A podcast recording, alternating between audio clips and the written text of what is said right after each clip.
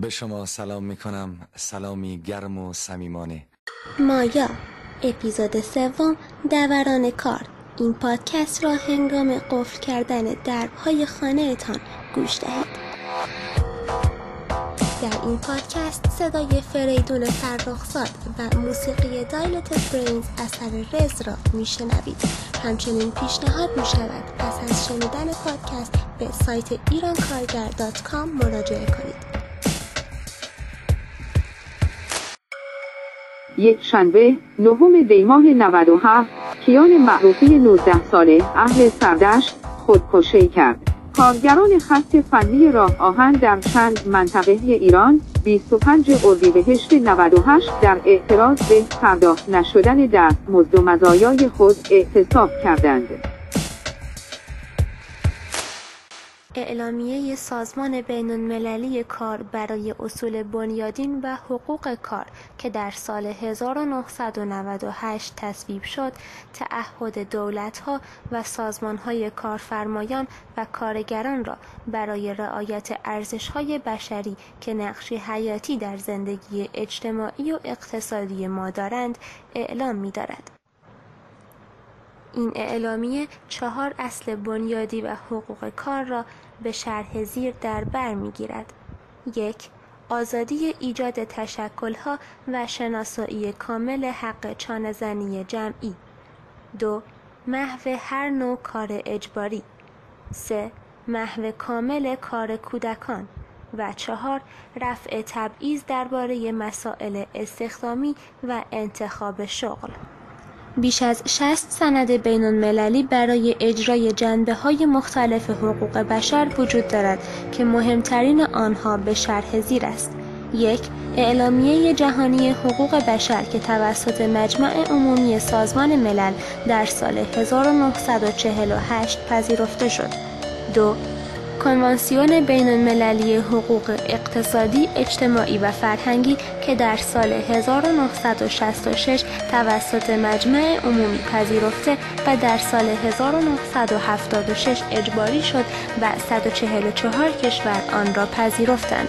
3. کنوانسیون بین المللی حقوق مدنی و سیاسی که در سال 1966 توسط مجمع عمومی پذیرفته و در سال 1976 اجباری شد و 147 کشور آن را پذیرفتند. چهار کنوانسیون رفع هر گونه تبعیض نژادی که در سال 1965 توسط مجمع عمومی پذیرفته و در سال 1969 اجباری شد. 5. کنوانسیون میزان رفع هر گونه تبعیض علیه زنان که در سال 1979 توسط مجمع عمومی سازمان ملل پذیرفته و در سال 1981 اجباری شد. و شش کنوانسیون حقوق کودک که در سال 1989 توسط مجمع عمومی سازمان ملل پذیرفته و در سال 1981 اجباری شد.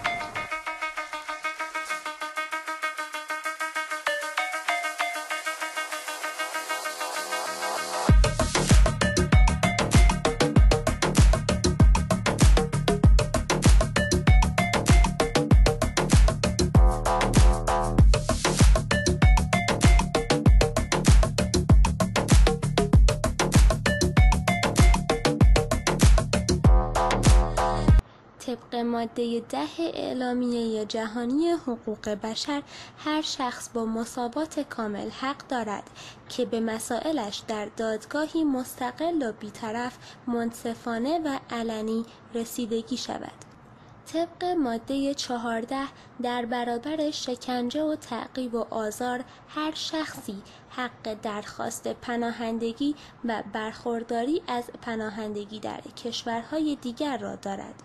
بر اساس ماده 22 اعلامیه مذکور هر شخصی به عنوان عضو جامعه حق امنیت اجتماعی دارد همچنین ماده 23 این اعلامیه میگوید که هر کسی که کار می کند حق دارد مزد منصفانه و رضایت بخشی دریافت کند تا زندگی او و خانوادهش موافق حیثیت و کرامت انسانی تأمین شود و در صورت لزوم با دیگر وسایل حمایت اجتماعی کامل گردد.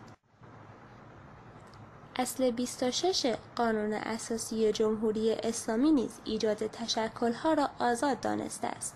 در فصل ششم قانون کار ایران به تشکل‌های کارگری و سنفی اختصاص دارد ولی آزادی کارگران را به سه نوع انجمن محدود ساخته است که عبارتند از شورای اسلامی، سنفی و یا نماینده کارگران و اختیارات همین آزادی نیمبند را که شامل چگونگی تشکیل تنظیم اساسنامه و حتی نحوه عمل کرده آن می شود به شورای عالی کار و هیئت وزیران سپرده شده. به این ترتیب همه این تشکل ها را به نوعی وابسته به دولت کرده است.